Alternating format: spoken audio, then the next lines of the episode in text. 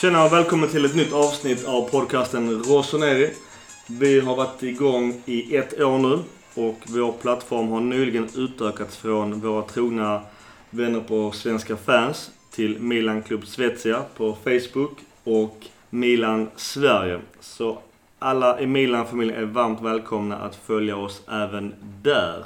Det regnar som fan i Skåne ikväll, så risken är att det kommer smattras in i helvete på fönsterblecket. Hoppas inte det hörs för mycket och att det eh, avtar. Men fördelen är att nu är i alla fall grillförbudet eh, upphävt, så nu är det fritt fram att köpa en jävla massa engångsgrillar. Malcolm Gurra, välkomna! Tack. Tackar. Har något ballt att berätta?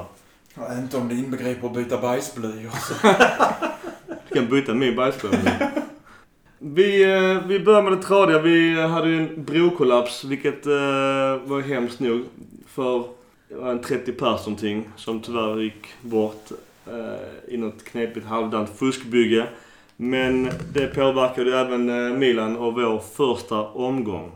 Så att eh, vi rätt in i omgång två. Ja, det var väl lite jobbigt. Eftersom motståndet var desto jobbigare och på bortaplan. Och Ancelotti sa ju också det att det här eh, kan mycket väl också påverkat Milans förberedelser. Och att gå rätt in i första omgången mot Napoli borta är ju hemskt. Napoli som precis förspeedade efter att ha slagit Lazio någon gång ett va? Precis. Så att- Borta. Borta ja. Så de var ju redan i drivet. Men i alla fall, eh, laguppställningen var ju ganska väntad förutom att eh, Caldara inte spelade. Hur skötte sig Musacho? Inga jättemisstag mer än möjligtvis eh, det som ledde till att Biglia sjabblade bort mål, bollen och det blev mål. Ja. Jag skrev han, han blandar och ger. Alltså han, eh, han gjorde vissa bra grejer, vissa mindre bra grejer. Och sen så, som sagt, som jag var inne på, hans bollhantering där. Mm. Innan, innan Biglia tappade. Innan Biglia tappade bollen. Men det- Gazzetta ger ändå 5,5. Det är väl ändå okej. Alltså vi ligger ju på mellan 5,5 och ja, Bonaventura får 6,5 som är bäst i Milan. Sämst är Rodriguez på 5 bara. Annars ligger vi på 5,5 ungefär, hela gänget. Eh, Bruset i bakgrunden är alltså inte att Micke duschar utan det regnar något jävligt. Ja, jag har typ sagt att det kommer regna som fan men... Och grillsäsongen är officiellt... Eh, Den är påbörjad för här får vi börja grilla igen. Jag ska grilla imorgon så försök inte. jag lycka till om det regnar som idag. Lugnt. Vad sa vi? Bonaventura? Eh, Han var bäst på plan enligt Gazettan i Milan.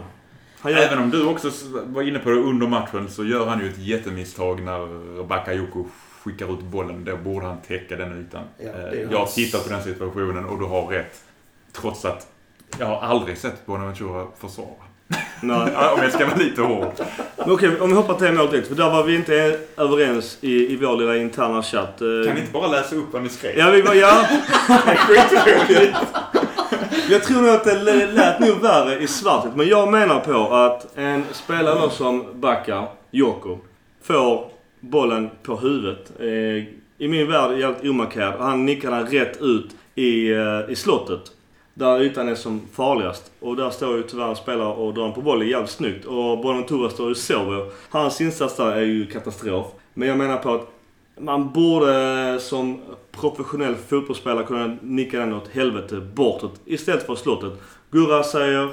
Alltså det är en jäkligt svår nick. Bollen kom, bollen går som en ballong. Den störtdyker och skruvas inåt. Han har två val där. Antingen nicka den mot eget mål eller eh, och ta vad det kan innebära. Förhoppningsvis få den över. Eller få, få den bara rakt ut. Det går inte att styra den bollen så som den rör sig. Han kunde gjort mycket annat under matchen men den där situationen tycker jag inte han ska ha skit för. Jag som, jag som att- proffs i korpen eh, hade nu gjort det bättre. Nej, kanske tveksamt. Men plus det då att Bon, det, alltså, den ytan ska ju vara täckt. Det är ju Bonaventura, han ska vara där. Alltså, det, och jag menar, man måste, spelar man det här zonförsvaret de gör så måste man kunna lita på att den ytan är täckt av den killen som har den. Han ska i alla fall inte få stå och sikta och skjuta. Så som han får göra. Och när Bonaventura försöker rätta sitt misstag, om ni har sett när de filmar bakifrån skytten så ser man att Donnarumma ser ju inte bollen förrän den är typ 2-3 meter från målet. Vi kan väl vara överens alla där att Donnarumma kan inte ta någon av bollarna. Nej. Han får märkligt mycket skit. Han fick eh, fem och en halva i betyg men jag tycker inte han kan ta något av skotten. Och det är vi också överens om när vi i vår chatt. Det Man eh, märkte ju väldigt mycket på Milan att de körde kortpassningsspel på egen planhalva. Nästan nere i eget straffområde. Vilket till slut också renderade i ett baklängesmål. Varför gör man det? Vi vill vara jättepositiva. Ja, det ser trevligt ut. renderade också i ett mål. Eller 0-2 målet får vi väl säga. Det var ju faktiskt, det gick genom hela jäkla laget. Ja.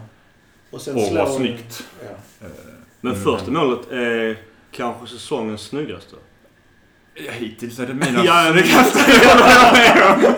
Ja, det är ju ett konstmål. Den nicken Borini gör, den går inte Det är också en spelare som får för mycket skit, men hans eh, målpass är världsklass. Och sen målet är också världsklass. Så att, eh, Vad fick Borini för betyg? han fick en sexa. Nej, jag tycker det är ändå ett helt okej betyg. En 16,5 kunde han nästan till och med fått med tanke på eh, hur han löpte. Ja, precis. Han hjälpte ju verkligen till i försvaret, tyckte jag. Ja, ska vi gå in på matchanalys? Vi har 2-0, tappar till 3-2. Va, varför? Jag satte mig och kollade igenom, jag har kollat igenom matchen tre gånger nu.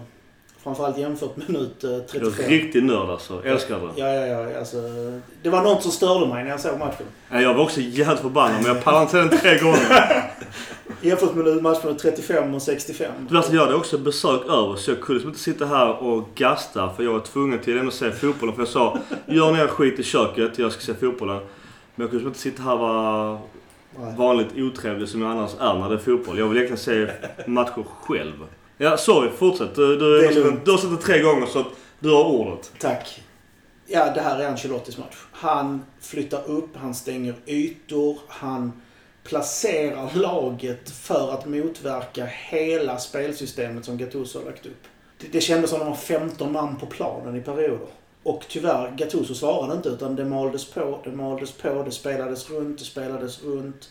Det saknades någon som kunde slå de här alltså långa crossbollar nu till yttern för att lyfta upp laget, för att utnyttja att Napoli tryckte upp så högt och stängde de ytor de gjorde. Det har också kommit eh, vissa kommentarer runt om i världen. Att vi tappar matchen när en för dagen jävligt dålig Biglia blir utbytt. Är det rätt? Är det enkelt att säga att vi tappade på grund av att han, som ändå var jävligt dålig hela vägen fram tills eh, utbytningen ändå? Eller är det bara bullshit? Ja, ty- nej, nej, alltså Biglias vara eller inte vara spelar ingen roll med tanke på de speldirektiv han hade. Biglia ska ha mycket skit för att han, han gör ingenting av bollen. I det mittfältet så är det han som ska fördela dem.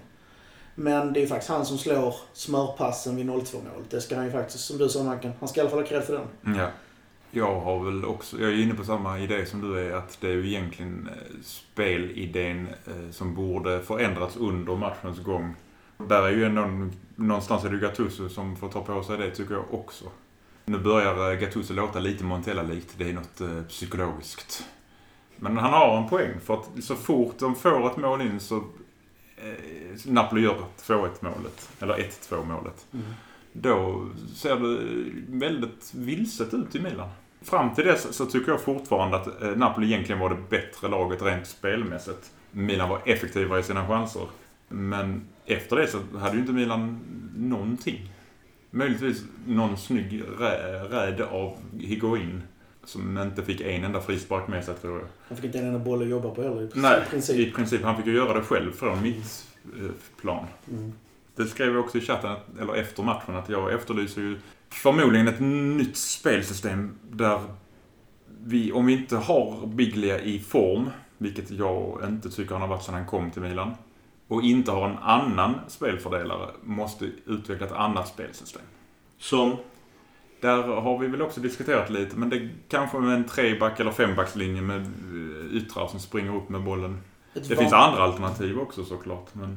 Ett vanligt svar när man får sån här press, det är ju att eh, om man inte har en spelfördelare, det är ju att lyfta upp, kanske lyfta upp Bonaventura som en offensiv mittfältare.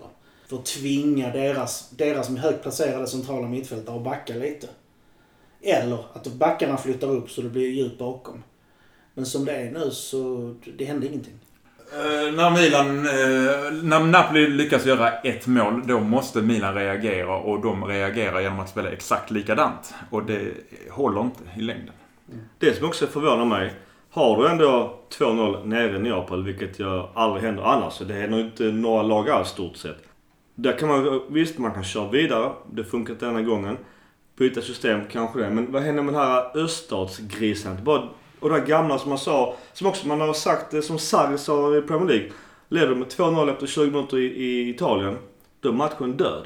Varför dog inte matchen? Där, där håller jag med också där att Gattuso var lite väl grön på jobbet. Han dödar inte matchen. Matchen ska vara död när det är 2-0. Såg ni en intressant sak? Ren psykologi och rent spån från min sida. Men andra halvlek startar. Napoli flyttar upp, börjar stänga ytor. Vi får, vi får det här målet. Oförtjänt, eller vad jag ska kalla men det var en bra prestation. Och så filmade man Ancelotti och han bara står och småler. Vilken tränare står och småler när man ligger under med 0-2 på hemmaplan? Han såg så självsäker ut. För han hade sett systemet. Vad som hände på planen. Det, han är en räv. Ancelottis eh, taktiska kunskap kan ju ingen ifrågasätta. Däremot så... Eh, Gattuso ju, han gjorde ju inte riktigt läxan där. Han, han verkar inte riktigt ha en backup-plan. Sen andra sidan, om man vänder på det. Förlora nere i Neapel är ju inte helvetet heller. Alltså på förhand eh, låter inte resultatet dumt egentligen. Givetvis vill man ha en poäng. Men på förhand skäms man inte. Senast vi vann mot Napoli var 14 december 2014. Det är så pass ändå. Jag trodde att det var längre tillbaka än så. Och då gjorde ne Nemes och eh, Bonaventura mål. Nemes? Eh, Menjes, Menjes förlåt. Menes. Ja, fan. Yttern, franska yttern. Ja, ja, han, men, ja, ja. Menes. Det, ja, okej. Det är aset. Ja, jävligt speciell kille. Fy fan, han, han vill ju bara spela för sig själv. Ja, Fast hans klackmål var jävligt snyggt. Bäst är, på tal om den jävla idioten. Eh, nu, nu blev det ju tyvärr inte mål, men det har ju loopats in i helvete på. Det är, jag kommer inte ihåg vilken match det är. Där han kommer långt ut på kanten och kör en ytterskruv som går eh, in i mål. Ja. Alltså det är fantastiskt. Men, eh, Alltså, där har vi ju... Han hade, ju, Teknik faktiskt- han hade ju kvalitet. Den får man väl ge honom. I alla fall, okej. Vi, vi pratar lite eh, taktik. Har du något mer att säga om matchen, Gurra? Ja, jag, vi, pratade om det jag sa. Jag skrev till er under matchen att vad behö- jag har inte följt Milan-forumen på länge. Det ska jag ju säga. Så jag blev lite förvånad över dels Donnarumma och dels kritiken mot, mot Rodriguez. Alltså Rodriguez, jag behöver Rodriguez göra tre mål per match för att få cred. Alltså han gör ett stabilt defensivt jobb. Han står för, var det fyra eller fem bra brytningar, markerar sin gubbe, håller sin yta. Han är inte med offensivt, men det var ju ingen i laget. Enogia Gazzetta han bara en femma. Tidningsbetygen eh, kan vi ta en annan gång. Vad jag, vad jag anser om dem ganska ofta. Känner lite journalister som har berättat hur de där betygen sätts. Men, eh, eller läs Wennmans bok så får ni reda på det. Men i alla fall nu kan vi kan inte säga klanka för mycket. Vi pratar Napoli borta, det är första matchen. Men jag, utifrån dagens trupp, för den är väl mer eller mindre satt. Fönstret är stängt. In i alla fall. Ja. Så fortfarande chans att någon försvinner. Någon kan försvinna. Det är fullt med. Det var ju, på tal om Rodriguez var det ju möte med Leonardo Maldini och hans agent. Idag. Ja, och den agenten, han såg ju rätt så skraj ut mellan de här två herrarna. Men i alla fall, det vi, vi har det, den här truppen nu, i alla fall in. Och då är frågan, ska han köra 4-3-3 rakt av utifrån vårt material idag? Eller ska man börja laborera? Jag var ju lite inne på, eh, som jag skrev i vår chatt, jag hade kunnat tänka mig att se två bollvinnare på mitten. I Kisei och Bakayoko kanske, eller någon annan. Och sen tre offensiva spelare och sen Higuain som de bara matar som öser sina 20. Det vill säga 4, 2, 3, 1.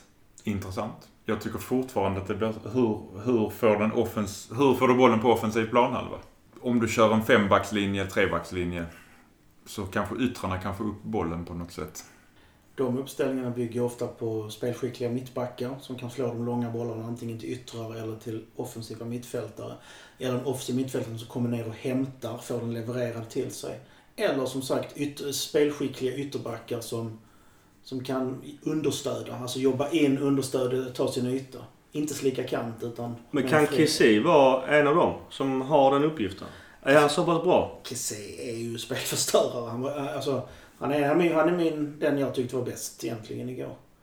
Han, eh, alltså, han är en bollvinnare, spelförstörare, slår en kort passning till någon med lagkamrat som gör det snygga. Det är hans uppgift. Hur vill du se Milan med dagens uppställning nu? Gattusos 4-3-3, att man kör vidare på det som den gick så pass bra i fjol. Det har vi ändå sagt och konstaterat. Eller laborera. Jag tycker vi ska laborera för jag tycker inte det funkar som det är just nu.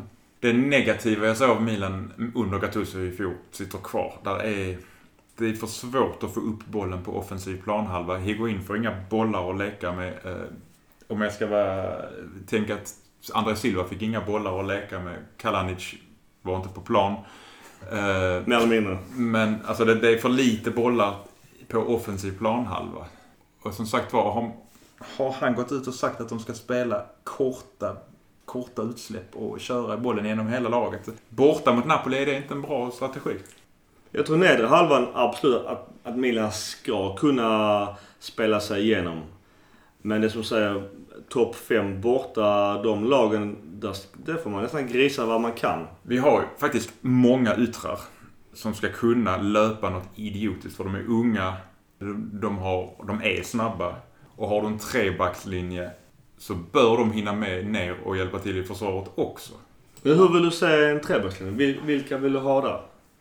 Alltså Caldara har ju spelat en trebackslinje innan så han är ju rätt så inkörd i det. Problemet är väl Risken är att det blir samma som när Bonucci kom in och vi körde en trebackslinje. Att de andra inte riktigt vet var de ska ta vägen. Som du var inne på, så har, om säkra eh, mittbackar som kan leverera boll högt upp. Det kunde Bonucci, men jag är inte riktigt säker på att någon av våra... Men det var jävligt många gånger han bara slog det åt helvete. Ja. Han var duktig med på fötterna men ofta I början krockade han ju också med. Biglia antingen om han gick upp för högt upp i plan och Biglia kom för långt ner. För de försökte göra samma jobb ibland. Men givetvis måste Romagnoli spela i eh, en trebackslinje. Och Caldara och med Musacho är väl alternativ där. Jag kan inte se någon annan. Jag hade nog hellre sett Zapata. Han är mer lämpad i hans spelstil. Att ta, ligga i mitten, styra de andra två. Jag tror han är bättre på det. Caldara och eh, Romagnoli får stå för alltså, det stora grovjobbet medan han dikterar, styr, lägger upp, backar upp, täcker. Det är, och så på vänsterback, eller vänsteryttern, där kan ju både Rodriguez och Laxalt springa något vansinne. Och på högersidan har du ju Calabria som han borde orka springa. Och Conti, tror jag, han har ju spelat en trebackslinje förr. Så jag tror att det skulle funka. Och sen så Bakayoko och Kessi som eh, defensiva mittfältare. Sen är jag lite osäker på hur det offensiva ska se ut. För det... Hackan på en fri roll. Och sen är frågan om man ska köra Bonucci och eh, Coutron. En tre... En Higuain Eller, ja Higuain, förlåt, förlåt, förlåt. Higuain menar jag. En 5-3-2. Jag vill gärna se Bonucci som anfallare. Sorry. jag läste det precis när jag sa det. Men, men Higuain och Cotrone där uppe. Ja. Är det din elva? Mm, ja, den skulle kunna funka. Ha Suso som... Eh, eller, eller Hakan som offensiv mittfältare. Det är en intressant 5-3-2. Det är fler, lag, fler och fler lag som går ut i två anfallare nu igen ju. Så trenden börjar ju vända.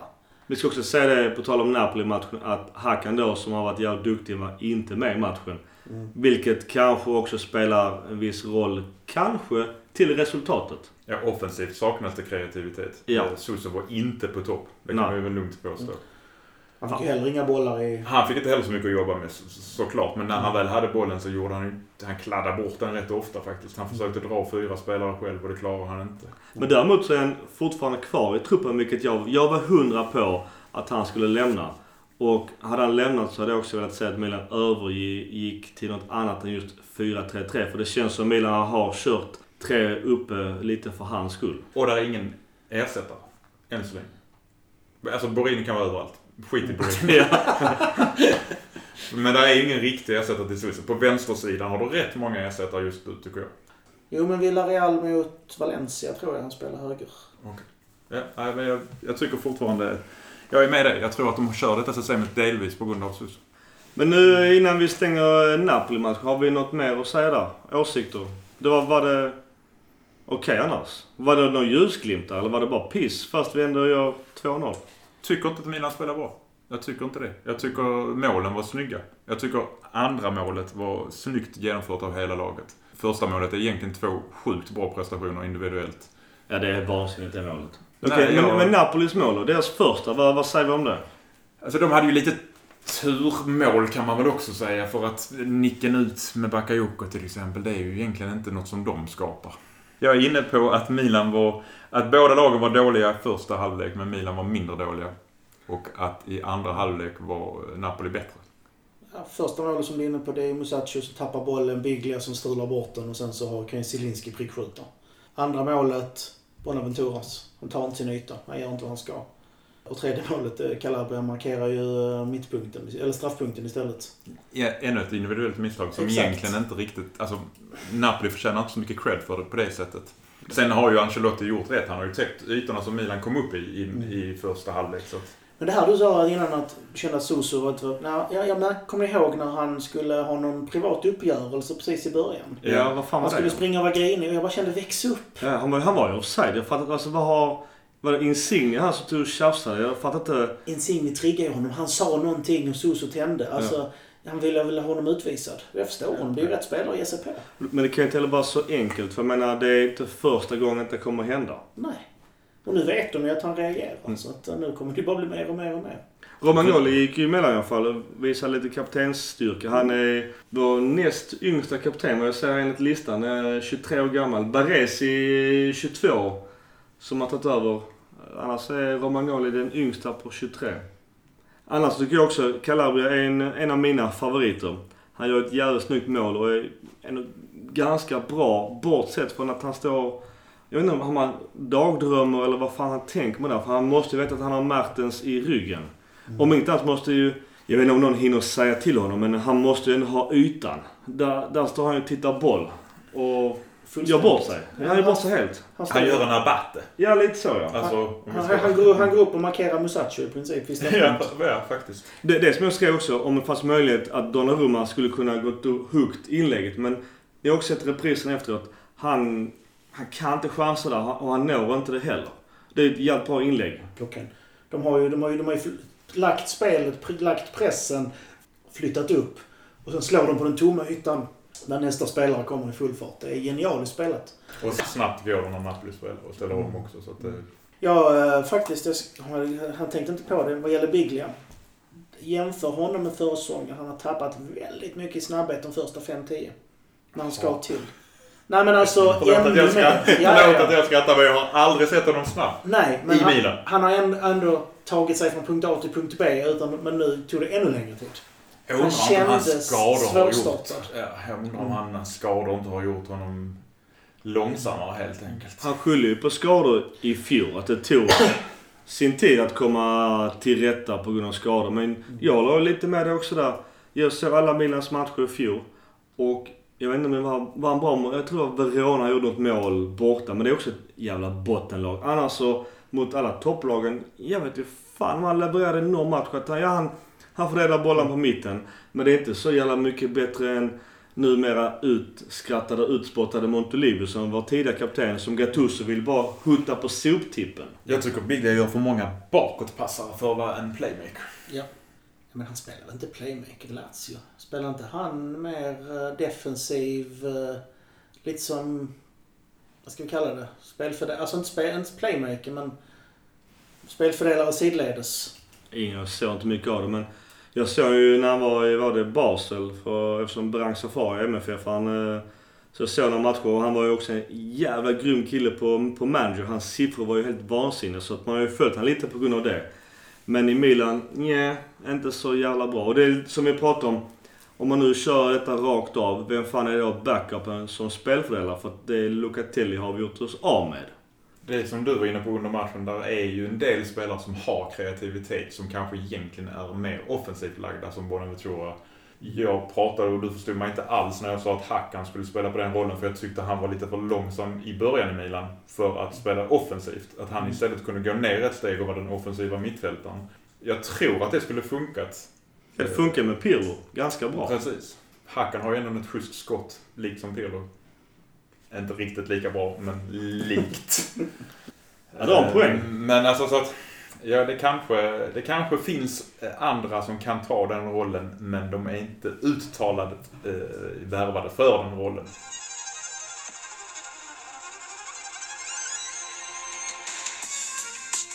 Tänkte ni på Gattusos ansiktsuttryck under matchen? Matchen började så han besvärad ut. När vi ledde med 1-0 såg han lite mindre besvärad ut, men fortfarande besvärad. 2-0 Så nästan förbannad. så nästan förbannad Ja. ut. Sen vet jag inte om det togs, för jag vet inte hur de har klippt det ju. Det är sant. Är det gjort precis efter 2-0 målet så är det en väldigt konstig min. Ja, för han, så han var olika nivåer av besvär Ja. hela matchen. Beroende på om... Alltså, Han såg alltid glad ut en enda gång. Mm. Jo, innan matchen när han och Ancelotti kramades. Ja, ja, ja. Då var han lite glad, men... eh, Det var ju pappa liksom. Han- Ja, precis. Just det. Eh, min fråga också till er, som vi borde också ta här. Nu är det ju jävligt svårt att sia om någonting. Men projektet nu med Elliot har ju varit eh, succé. De har rättat till eh, rätt mycket skit från kineserna. Och Ancelotti var ju inte aktuell när detta hände, tyvärr. Och frågan är, undrar om Ancelotti hade velat hoppa på bygget med Elliot, Leonardo, Maldini och den här strukturen istället om man fått chansen där och då. Och där hade det varit en möjlighet. Tänk Milan med Ancelotti. Jag välkomnar honom. Hela tiden har jag välkomnat honom. Jag tycker fortfarande en av, ja, han är en av världens bästa tränare. Det är inte mer med det. Lätt. Problem, eller vad ska jag säga, problemet för att få honom det är att senaste klubbarna att uh, han vill ha färdiga klubbar. Han vill inte ha projekt. Han vill inte ha byggen. Han vill inte ha uppstart och veta att om fem år eller det här är på väg någonstans. Jag menar Bayern, eh, Chelsea. Han, han går Ja. till färdiga klubbar. Och han kände väl att Napoli var så färdiga att det var liksom inget projekt längre. Utan nu gäller det att satsa. Guldvärvning, tänk vad vi hade fått honom. Ja, det hade varit På tal om Chelsea, det är till inte. salu. Chelsea. Om ni, ska vi skramla ihop vad, vad fan var det han vill ha för det? 5,50 och lite, lite panter. ja men det var, ja, det var en jävla massa mer pengar än vad Milan är värt i alla fall. 2,2 biljoner pund. Biljoner pund. Ja, vi får, Nej, det kan det ju inte vara. Vad fan blir det? Jag läste någon siffra med att han ville ha 32 miljarder. Eller 24 miljarder. Det var någon... Svenska. Ja. Ja, för Milan gick för... Kinesen köpte Milan för 7,4 ungefär. Ja. Och Han vill ha, jag tror det var 24 eller 32 miljarder. De, ha- ha- givetvis är Chelsea värt mer än Milan, men varumärkesmässigt är Milan nog starkare fortfarande. Det tror jag också. Men det är ju nu också mycket för att deras trupp är värd så jävla mycket Och så har mer. de 11 miljoner spelare utlånade som kan vara värda hur mycket pengar som helst. Jag ber om ursäkt, jag har läst för mycket engelska. 2 billion pound. Alltså Ja. 2 miljarder Två pund. miljarder pund. Ja, Det är så. 20 miljarder svenska lite. Ja, 22. Mm. Som du var inne på. Ja. Ja. Sagt, jag har läst för mycket på engelska. ja, men det är bara att börja skramla. Ja. men du, eh, ska vi eh, lämna Napoli-matchen? Vi förlorar. Vi förlorade. Vi har Roma på fredag. I alla fall hemma. Roma spelar just nu mot Atalanta. 1-0 stod det för, efter en halvtimme till Roma. Så har det 1-3 till Atalanta. Va? Den Shit! Då blir Birro eh, förbannad. Alltså det, det, det här jag bör, alltså Serie A har växt igen. För nu, alltså det känns som att nu kan... Det börjar bli en jämn liga. Det, är alltså det har alltid varit min, det jag har pratat bäst om Premier League. Att alla kan slå alla. Robin Olsson har 4,5 i betyg för Oj, tillfället. shit.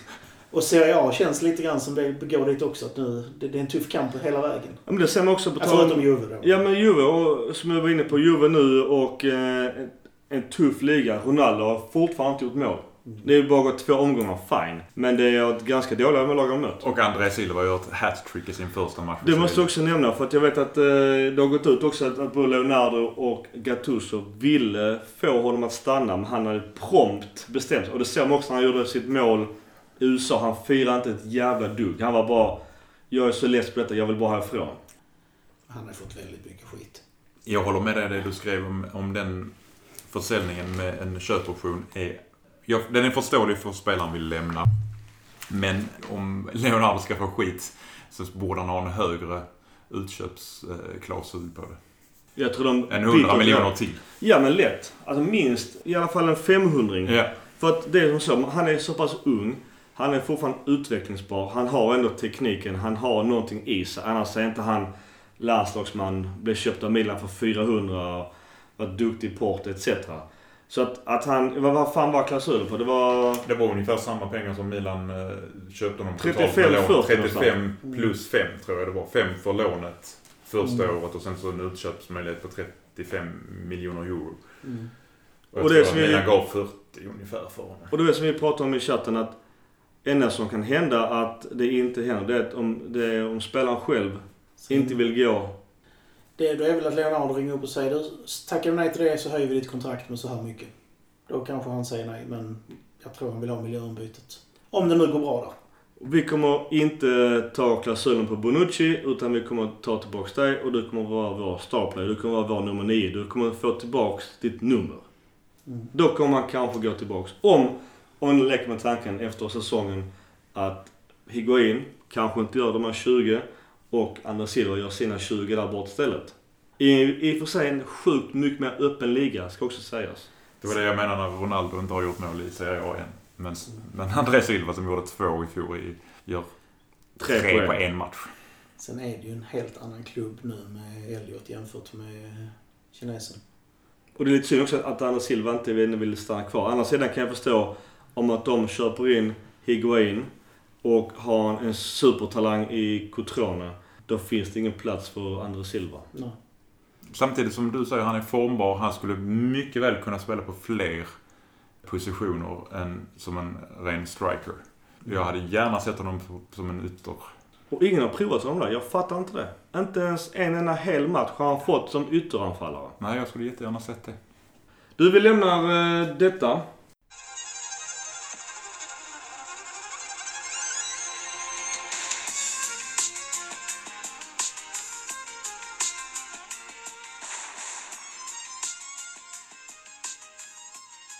Du observerade någonting Gurra. Som jag och Mackan missade men observerade efter din observation.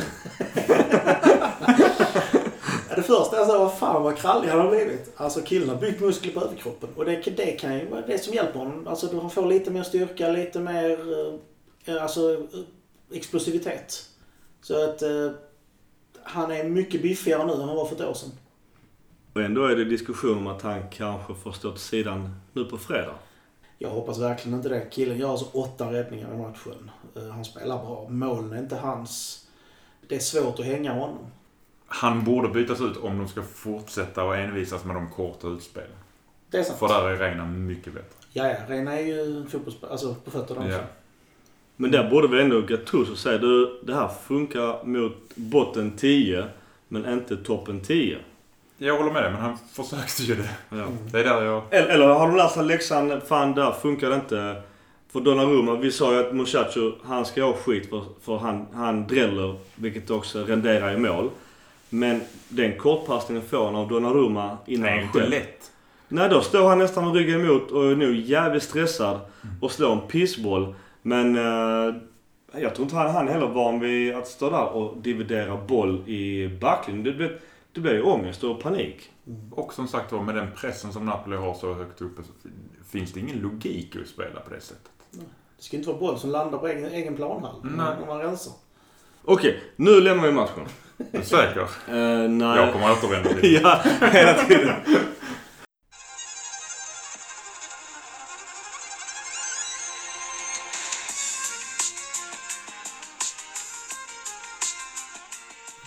Ja, ba- bara officiellt, eh, så, vi, så vi nämner det. Nu är sig inte fönstret ut helt stängt. In är det stängt och transfer in, alla detta har vi alla koll på. Reina från Sampdoria, free transfer. Strinic, free transfer, Nej, Sampdoria. nu sa du fel här. Du sa Reina från Sampdoria. Sa jag det? Ja. Jag kan inte läsa det. Reina från Napoli. Okej, eh, vill någon annan läsa eftersom jag verkar vara ordblind idag? Jag, jag, jag, kan, jag kan börja med en grej. Eh, Vi har ju tre, som ni kallar det, du kallar det kinesvärvningar Micke. Vi har Reina från Det var faktiskt. Mackan som sa kinesvärvning. Okej. Men i alla fall, Reina från Napoli, det är en bra värvning. Vi har Ja. Strinic från Sampdoria, som också är en kinesvärvning. Han, han då kommer vi prata om sen. Och vi har Halilovic som också var en kinesvärvning från Hamburg. Som, Vi också kommer att prata om sen. ja. Eh, Ja, det kan vi ta nu Det faktiskt. kan vi ta nu. Halilovic har uttalat sagt att han vill bort. Ja, Och Strinic är sjuk. ja. Nu kan vi ta Slins nu. Och det är ju lite beklagligt. Jag vet inte, där var du också inne på någonstans att vi har redan eh, Rodriguez och vi har unga lovande också Primaveran. Och visst, det är en, eh, en Bosman-värvning. Men tråkigt nog för Strinic så är han borta halva på grund av hjärtbesvär, någon hjärtmuskelinflammation eller vad vad det var. Och det är jävligt tradigt såklart för honom. Men eh, jag vet inte vad det innebär för oss egentligen. Halilovic kan man ju kanske göra en eh, omskolning till vänsterback så han får spela. Det det innebar för Milan var ju att de köpte Laxalt. Kan jag nästan, alltså det är nästan bara på grund av det. Ja. Tror jag. Men frågan är också om Laxalt, den värvningen tycker jag är ändå helt okej. Men frågan är om eh, man får också titta ett steg längre. Han kommer från Genoa och Genoa är skyldig oss pengar. Undrar om det har varit någon deal. Det har inte gått någonting officiellt ut med deras eh, skuld till oss Jo. och hans. Skulden var ju för Lapadula. eh, Men den var på 10 millar. Jag har hört att den, eh, den är med i den... Alltså det, det skulden är reglerad nu i och med laxalt. Okej, så vi, nu har de inte skuld till oss längre i Ja. stort sett? Nej. Men ja, vad fan, skitsamma. Det- Göte Laxalt det är väl en okej värvning? Ja, absolut. Men den, den kändes konstigt innan man fick reda på att Strinic var skadad. Med tanke på att han spelade vänsterback i landslaget. Däremot hade han uttalat, uttalat ytter. Så hade jag kunnat köpa den. För då har vi Laxalt, Castillejo där uppe på Precis, och det, absolut. Mm. Men ja, Okej, nästa är ju Castillejo. Han har jag ju bara sett på YouTube. Han verkar ganska het. Du är inne på att han kan köra båda kanterna, vilket är ett jävla plus. Stor fördel är att han har tydligen varit Milan-fan sedan barnsben. Ja, jag såg det. Gamla Fan, foto när han går och vevar flaggor. skitmäktigt. det är, Ja, det är fint. respekt. Ja, men det, jag såg också en bild och det är fan ett jävla pluspoäng. Bakayoko, och där, där vi, vi hann ju inte eh, få upp den nyheten förra avsnittet, men han har ju gått ner fett i lön för att spela i Milan. Bakayoko. Han gick ner från 6,5 till 2,5. Men vi var väl inne på det förra gången också. Vi hade ju inte sett alla siffror då. Eh, Men jag tror givetvis att Chelsea betalar en del av hans lön fortfarande. Så kan det vara. Jag Jag, tror tror det. inte han har gått ner i lön. Han har ju fortfarande ett kontrakt. De kan, vi kan inte, de kan inte bara sänka hans lön. Nej, men jag tror att de är nöjda med att slippa betala hela lönen. Och så får Milan betala 5 miljoner dessutom för lånet av honom. Så hans lön i år är ju betald av Mm. Milan.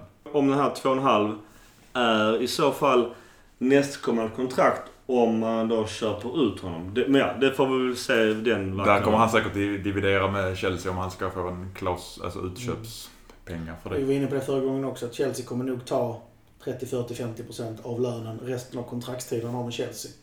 Det är ganska standard när man, spelar, alltså när man lämnar. Det blir dyr affär för Chelsea. Det drabbar ingen fattig. Förvisso. Ja, de ska ju även säljas nu ju. Jävla tid tar att läsa upp eh, transfers in. Okej, i alla fall. Då har vi tagit eh, Castillejo, Laxalt, Bakayoko, Higuain vet vi sedan tidigare. Det är 18 miljoner plus då lån och utköpsklausul. Inte tvingande. Nej. Så vi kan ju använda han ett år, sen dumpa honom tillbaks till uh, Ett Juve. ganska dyrt eh, lån på det sättet. Ja, om inte vi går... Samtidigt köper man, skulle man köpt honom för, för 70, eller vad det nu blir, 60. Och inte få någon utdelning på det, då är det ännu dyrare såklart. verkligen. Och sen då Caldara från Juventus. Eh, officiell siffra verkar vara 35 miljoner euro. Det var ju vad Juventus värderade Bonucci till, så det var ju inga pengar som utbyttes där direkt. Det var att spela rakt av. Förutom då att Milan sänkte lönen på backpositionen ordentligt. Ja, Och höjde den rätt så mycket på anfallspositionen, men blev ju av med en ganska fet lön på Kalanic också. du är inne på det. Transfer ut. Eh, då har vi just som du sa Bonucci. Det var rakt av 35 till Juventus. Sen har vi då eh, Gomes eh, som gick till Palmeiras. Det var väl, ja, det var inte mycket pengar. En och en halv sen plus Han spelade inte en fyra. match i fjol. Att men- han fick hoppa in i någon match, 20 Ja. minuter någonting. Han gjorde 90 direkt i Palmeiras och gjorde bra ifrån sig där. Sen har vi demonen, eh, monsterguldbollvinnaren Kalanic. Eh, jag vet fortfarande inte vad som hände där. Han Alltså, har redan en titel. han har redan en titel ja. Han poserar på Instagram. med den också, Alltså för fan alltså. Han har jag ingen också, hade jag varit Kalinic och haft en sån skitsäsong i Milan. Råkat ut för det som hände i VM. Okej, det är hans eget fel. Det ska vi inte säga någonting om. Och sen direkt fått vinna en titel. Jag hade slängt ut den bilden på varenda ställe jag hade kunnat. Han fick fan vad provocerande. Ja, ja, ja. Men ja, ja, det är det som är det roliga. Där får jag ändå ge han hans lilla plus. Att han ändå spexar. Jag hoppas att han förstår att han spexar så inte han står där och tror att han är en cooling och grym med en pokal i, i, eh, i sitt knä. Men i alla fall, vi får enligt officiell siffra så är det 14,5 miljoner euro. Vi går ju fett back på affären. Men med tanke på vad vi tror vi skulle få så är det ju ändå en stor vinst. Antonelli, vår gamla Primavera ungdomsspelare, han går på Bosman till Empoli. Anders Silva pratar om det är 5 miljoner sen plus lån. Och gör han fortfarande fortsatt tre mål per match så kommer han ju bli utköpt för sån här resterande 35. Och sen kan de sälja honom till Real för det dubbla. Ja. Eh, Locatelli som vi redan saknar. 2 miljoner för lånet sen plus 10 till Sassuolo. Som Eh, slog Inter i öppningsmatchen. Bara Fantastiskt. Inter har fortfarande bara en poäng på två matcher. Ja, det, jag trodde inte det var sant när jag såg att de ledde med 2-0 och det blev 2-2 i, igår. Det var lite karma för dem. Som du är ju- inne på, eh, Serie A är tillbaka. Det är roligt. Det är jättekul faktiskt. Backa, där är inga officiella siffror men det står i Castelleo deal så jag vet inte fan vad det kan tänkas Jag betyda. har hört siffror på 7-8 miljoner. I Att de, re- de värderade Castellio till eh, 25-26 någonting och Okej. Milan fick betala 18-19 någonting.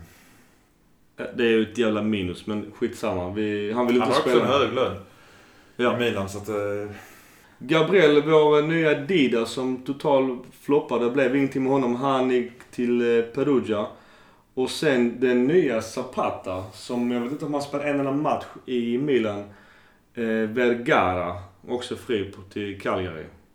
Det är väl hittills ska vi säga. Totalt sett så eh, har jag läst siffror att Milan går minus 20 miljoner euro på transfersäsongen i år. Elliot gick ju in och sa att de skulle putta in 50 miljoner euro. Det innebär Eh. netspänn på 20, då är det 30. Ja, det kanske kommer i januari. När man har... Dock så sa de i hela organisationen och jag kan ju tänka mig att Leonardo, Maldini, där är andra gentlemän som har bytts ut. Eh, säkerligen några kontrakt som har behövt betalas av eh, för att bli av med dem. Men det har man sett även i andra storklubbar. Att lönekostnaden i administration, alla bakom, har ökat något enormt. Alla de som får de här maffiainvesterarna, hedgefond, eh, stora korporationer och så vidare. Där ökar bakkostnaden för de är van vid en viss typ av organisation. Det är inte de här slimmade fotbollsorganisationerna längre utan nu är det, det är bara marknadsavdelningen antagligen är tre gånger så stor misstänker jag. Ja, men det ser man ju i Premier League, om man nu ska ta den ligan. Och det får man ge cred för. För de har ju förstått att fotboll spelas ju på gräs. Och de måste ha bra kvalitet på gräset. De köper ju och värvar varandras eh, gräsmästare, eller vad fan de kallas. Alltså det är ju gamla golfgreen-professorer nästan. Alltså jämför dem med allsvenskar som kör typ Tractor pulling i ena helgen. Ja men lite så ja. Och så är det som eh, Ronny som är vaktmästare på gamla lågstadieskolan som ansvarar för gräsmattan. Jag såg, jag såg en rolig siffra på det. Jag tror, om det är Liverpools FSG som har alltså backroom staff, alltså non-playing staff, som kostar mer än flera Champions-klubbars hela lönekostnad. Det är sinnes. Ja, det är... Men det är bara en kortis eh, på tal om transfer. Som sagt, vi får se om det blir om vi tappar Rodriguez till PSG eller vad som händer. Men det vi har framför oss. Eh, 1-10 Mackan. Vad ger du för betyg till eh, ledningen och Leonardo i synnerhet som fick en jävligt tight tid på sig att laborera? Ja, det är tufft rakt upp sådär va? Ja, om jag jämför 200 miljoner euro i förra sommaren och 20 miljoner denna sommaren så är ju detta en klockren tia tycker jag. Sen om jag skulle säga det med lite nyktra ögon eh, så tycker jag vissa av värvningarna kändes också panikartade. Jag tyckte jag var... Vi har fått förklaringar men Laxalt och Castillejo tycker jag inte kanske är klockrena värvningar. Eh, jag undrar om det är utfyllnadsspelare för att det känns inte som att det är någon extremt höjande av kvalitet, kvalitetshöjning i truppen. Jag hade kanske hellre sett en som kostade det dubbla. Är du nöjd annars med ditt svar? Vill Eh, du, Så total, vill du säga, redigera det eller vill du köra vidare på det? Jag kan säga att jag ger eh, 7,5 på Från- transfer. eh. Vad händer med 10? Tian var jämfört med i fjol. Ah, sorry. My bad. Men om man tar det Ja, tittar på det så, så 7,5, 8 om man kanske... Jag redigerar mig hela tiden. 8 om jag lägger till eh, tidsaspekten. Okej, men är detta dina nyktra ögon eller är det salongsberusning eller var är vi nu någonstans? Någonstans inne på salongsbrusning nu Ja. Gurra, hur full är du? Spiknykter. Alltid när jag kollar på sport. Alltså man, får, man, man måste ju tänka lite grann att det handlar bara inte om startelvan, det handlar om truppen.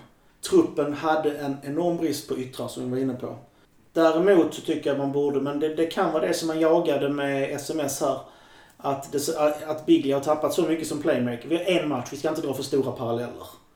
Men har, lig- fortsätter han på den nivån så är det en spelare som saknas. Övrigt är det klockrena värvningar. Vi har alltså en backup, vi har två, två yttrar, som, en av dem som är flexibel. Halilovic är faktiskt också flexibel, kan spela på bägge kanterna. Mitt, mittbacken, jag tycker det är en klar uppgradering med Caldara istället för Bonucci.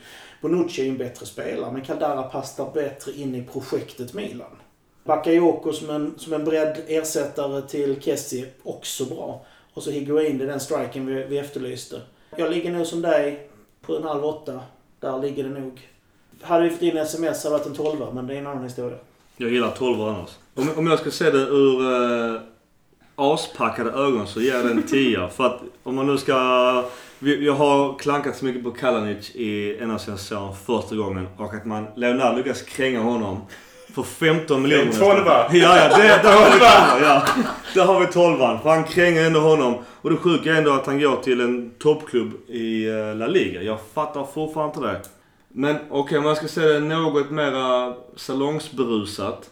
Så transfer in. Jag är också inne på ditt spår där att vi har ändå någonstans eh, fått det vi eftersökte. Det vill säga en, en nia som gör 20 baljor.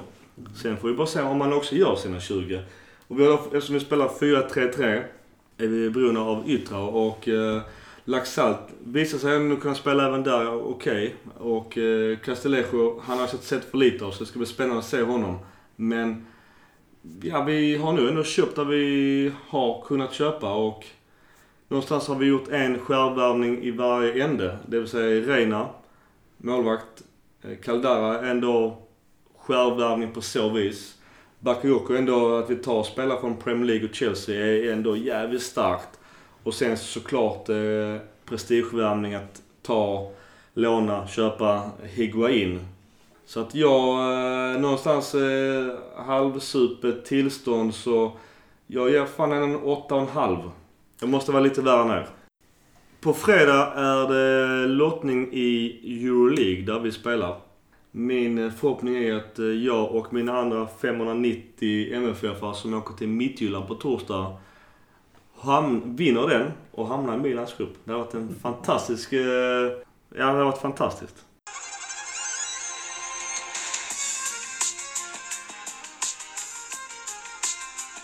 En annan grej det är att vår, vi har ju faktiskt vunnit vår premiär. Milan slog Orobica Calcio. Eller? Man så? Ja, det gör man Ni det. som har... Ni, ni följer ju Milan så ni har väl koll på detta? Absolut. Ja, nu ska vi inte håna. Vi, vi följer såklart med glädje vårt eh, Milan och deras nya damlag. Så vi uppmärksammar deras första vinst. Ja, det är fint. 3-1. Stabil seger. Och på tal om uppmärksamma så får jag också säga Juvedödaren som tyvärr fick sitt mål bortdömt, Montari, har också fyllt år. Han måste vi ändå gratulera. Ja, det tycker jag. Innan vi avslutar, någonting positivt. Mackan, Gurra. Ja, Vi har glömt säga att ryktena direkt, detta är inte positivt eller negativt, men ryktena drog igång direkt efter Napoli-förlusten att eh, Conte är på tapeten alltså. Det är nog hårt efter en omgång. Ja, det är det. Och jag undrar eh, om de här ryktena är, är nog inte bra. Alltså det är inte bra att rykta så här tidigt på säsongen. Är, stabiliteten i, i, i truppen är, är ju viktig.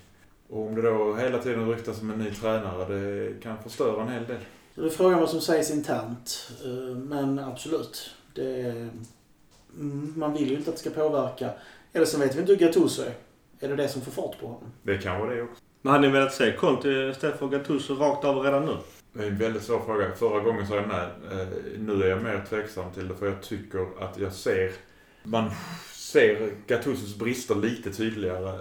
För förra säsongen så såg vi inte bristerna för att han lyckades så mycket bättre än Montella. Och här tror jag vi har effekten av att vi tappade halva sommaren. Vi visste inte vad som hände. Skulle man gjort ett coachbyte, skulle man tagit in Conte, då skulle man gjort det i juni. Så att Ja, absolut. gett Det har, håller jag med dig om. Ska man göra det nu så får man göra det precis innan ett landslagsuppehåll. Visst, det är ju nu, men det är ju tufft med en, två matcher innan. Kanske innan juluppehållet där, men alltså den är... Mm. Och, men får jag lägga till att Gattuso har inte haft särskilt mycket tid på sig att spela in de nya spelarna heller på grund av, av eh, att det tog lång tid innan det helt enkelt fanns pengar till att göra någonting. Precis. Ja, Jag vill se Gattuso i alla fall köra jul ut. Jag står i sig fast vid mitt första som jag sa när vi spelade in för, för två gånger sedan. Att Conte med Gattuso som assisterande tror jag hade varit superbra. Men frågan är hur man gör det på ett snyggt sätt. Jag håller med, det har varit jävligt kul. En sista grej innan vi avslutar. Var fan hamnar vi i serien? Nu har vi vår trupp insatt i alla fall. Så var fan hamnar vi? Och varför hamnar vi där? Ska vi börja uppifrån? Juventus vinner ligan. Så där är vi inte. Jag är lite inne på som eh, vårt förra intervjuoffer, Juventinon. Eh, eh, han, jag tror han har en poäng att Juve så kommer satsa allt på Champions League så de kan faktiskt tänka sig att strunta lite i ligan i år. Och vem tar dem då? Jag tror Napoli ligger väldigt bra till för de har en bra tränare. Ehm, hade du frågat mig innan säsongen överhuvudtaget drog igång så att, trodde jag att Inter skulle spela jättebra med de värvningarna de har gjort. Ge dem tre, fyra omgångar. Alltså, innan, fem, innan omgång fem så är ing- inget spelsystem satt egentligen. Nej. Det är redan Eh. snack om att de ska sparka Spalletti då och det. Men det är väl lite Italien också. På gott och ont med sin charm och att det ska sparkas hit och dit. Eh, Jag sa det innan vi pratade också. Med SMS hade vi kunnat slåss om andra platsen. Nu ser jag oss fyra till sexa. Jag, jag vill Det gärna... är jävla skillnad på att komma fyra och sexa. Så Ja. du, du måste säga en siffra där. Så är du femma mitt emellan. Projektet är bra, vi har fått in rätt spelare. Juve, Napoli, Roma, inte. Problemet är... Hmm. Ja, jag förstår för den nyktra pessimismen. Jag säger sexa. Mackan? Onykter pessimist. Nej, jag, jag... Önsketänkande fyra. Jag säger mitt emellan. Och jag, jag tror att eh, det beror lite på att eh, vi kommer att köra Gattuso året ut. Eh, eller säsongen ut ska jag säga. Och jag tror att hans envishet med 4-3-3 kommer straffa sig i längden. Sen andra sidan är jag också inne på spåret att om nu Napoli skulle komma etta, förmodligen tvåa efter Juventus, så kanske man inte ska slå på stora trumman efter att ha förlorat 3-2 borta i första omgången mot ett just Napoli som krigar om titeln. Utan allting kanske bara faller på plats med dagens eh, system, dagens spelare och dagens taktik i alla andra matcherna. I alla fall mot lag eh, 5 till 20 hoppas jag. Så att vi Absolut. kanske Absolut. blir fyra. Det hade varit jävligt fett. Och vi har som sagt var en hel del spelare kvar att spela in. Caldara kanske är en utmärkt mittback i fyrbackssystem. eh, Och vi ska inte dra för mycket växlar som sagt var på en match, men Musacho kanske inte är en utmärkt mittback. Vi blir tydligen inte topp tre för det tror ingen av oss. Vi blir inte botten tre så vi kommer stanna kvar. Utan någonstans mellan fyra och sex är det där vi hamnar. Så får vi se om folk håller med oss. Jag har satt en hundring på Milan som vinnare av hela skiten. Vad gav det? 20 gånger. Mm, Det är fina pengar i eh, maj då. Det är fina pengar för Svenska Spel. Men du, innan vi... eh, Ja, vi får inte pengar på dem. Men du, innan vi skiljs åt, vad fan står det i Roma-matchen? Vi kollar. Eh, Robin Olsson släppte in tre mål på 19 minuter. Ja, Rob Olsson får nog inte ha betyg i tidningen imorgon. Nu står det 2-3 det är i minut 70. Det är Lite Robin, hjälp oss. Förlora Roma. Det blir Birro förbannad. Kanske inte blir Vi inte inbjudna. inbjudna. Fan också. Till Eh, Calcio Amore ska vi säga. Vi, vi, vi har gjort reklam på vår Facebookgrupp. Där vi länkar både då Milan Napoli, Milan Club Svezia och Calcio Amore. Har vi något sista vi vill säga innan vi stänger butiken? Positivt denna gången är att Micke har lagt ner ett hästjobb för att få ut oss på fler plattformar. Bra jobbat Micke. Mycket bra. Tack. Vi får se om det... Om det är positivt Om eller det negativt. gröna på andra sidan. ja men det är kul. Det är, det är nog jävligt sköna diskussioner i, eh, i alla tre forumen vi finns i. Så att eh, det är jävligt sköna både killar och tjejer. Och alla är välkomna att lyssna på, på vår. Och alla är även inbjudna att vara med eh, och surra lite med oss. Jag kan säga det till nästa gång så kommer jag ha satt in laget i en Moneyball-algoritm och kollat lite grann exakt hur truppbredden är. Rent siffermässigt. Jag älskar att du är så jävla nördig. Det, det, det är fantastiskt. Jag, jag, jag Jag lovar att jag... lovar till nästa gång att jag ska ha bytt fler bajsblöjor. ja, jag Det är lovar... det jag kan lova. Ja. Jag lovar att jag ska se Milan-Roma i alla fall två gånger. För att kunna matcha dig. En gång Milan, Roma, Roma, Milan. En gång i nästa. Ja. Frågan, frågan inte hur många gånger jag sett mål. Ja, inget annat va? Vi var, var kanske jäkligt negativa, men det finns positiva saker också. Det som jag sa innan, Donnarumma spelar bra, Rodriguez spelade bra. Romagnoli var ju min matchens lirare till exempel. Eh, Higuain visade bra. Suso när han plockade fram huvudet från underarmen och spelade, då spelade han bra. Calabria var, gjorde en bra insats bortsett från eh, markera, markeringen på Musacho. Alltså det finns mycket positivt att ta med. Tyvärr övertrumfades det av det negativa. Vi skulle också säga som så att Napoli var bättre och de vann också för att de hade en sjukt mycket bättre tränare. Ja, det var en ren cupseger. Vi håller där va? Ja. Forza Milan. Forza Milan! Var det.